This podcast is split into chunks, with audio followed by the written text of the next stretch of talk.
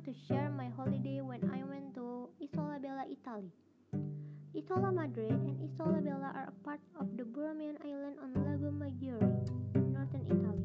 The Isola Bella represent a unicorn for its naturalistic, historic, and cultural value,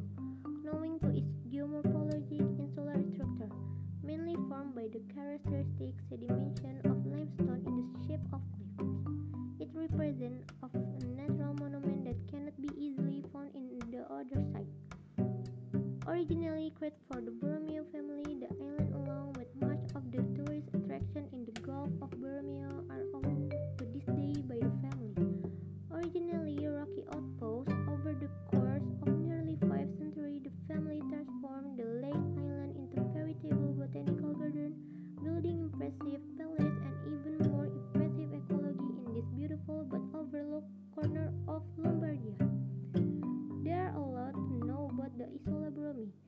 the proof is in the pudding. The gardens are absolutely gorgeous, and a visit to one or the other means a day spent immersed in the beauty. Beautiful island, it wears its name like a glove indeed. It is perhaps more than just beautiful. Simply stunning may sum it up better. The palace here on a much grander scale. The garden here worth fail. Hopefully the photo will do justice. This garden there become the star attraction of the island. Having acquired a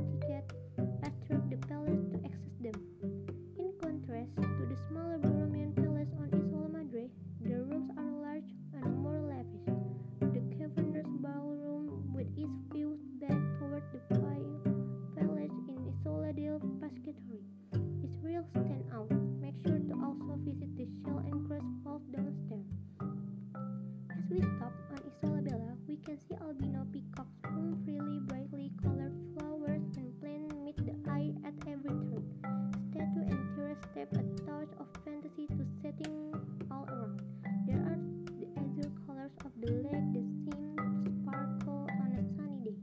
Literally, you hardly know where to look. Every time an issue. This is the palace to spend the day. The statue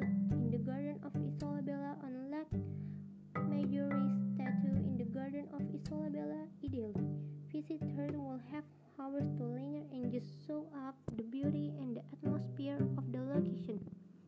However, unless you completely ignore Isola Madre or manage to take the earliest possible train to Stresa, you may have to the palace.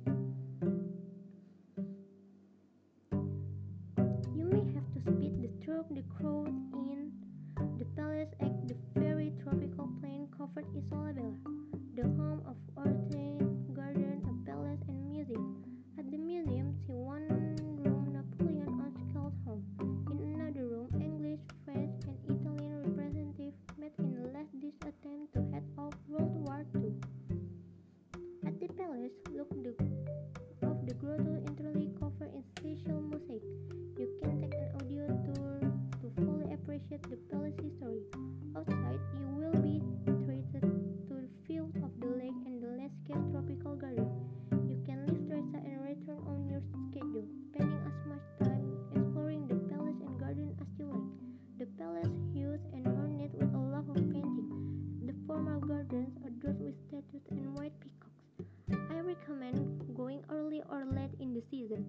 October is good sign it's still warm. Everything here seems very casual and just a little old-fashioned. Hanging on the wall at Museum Isola Bella is what way to start holiday. I really don't know what to expect going in and I was blown away. The palace was massive, so over the top and beautiful.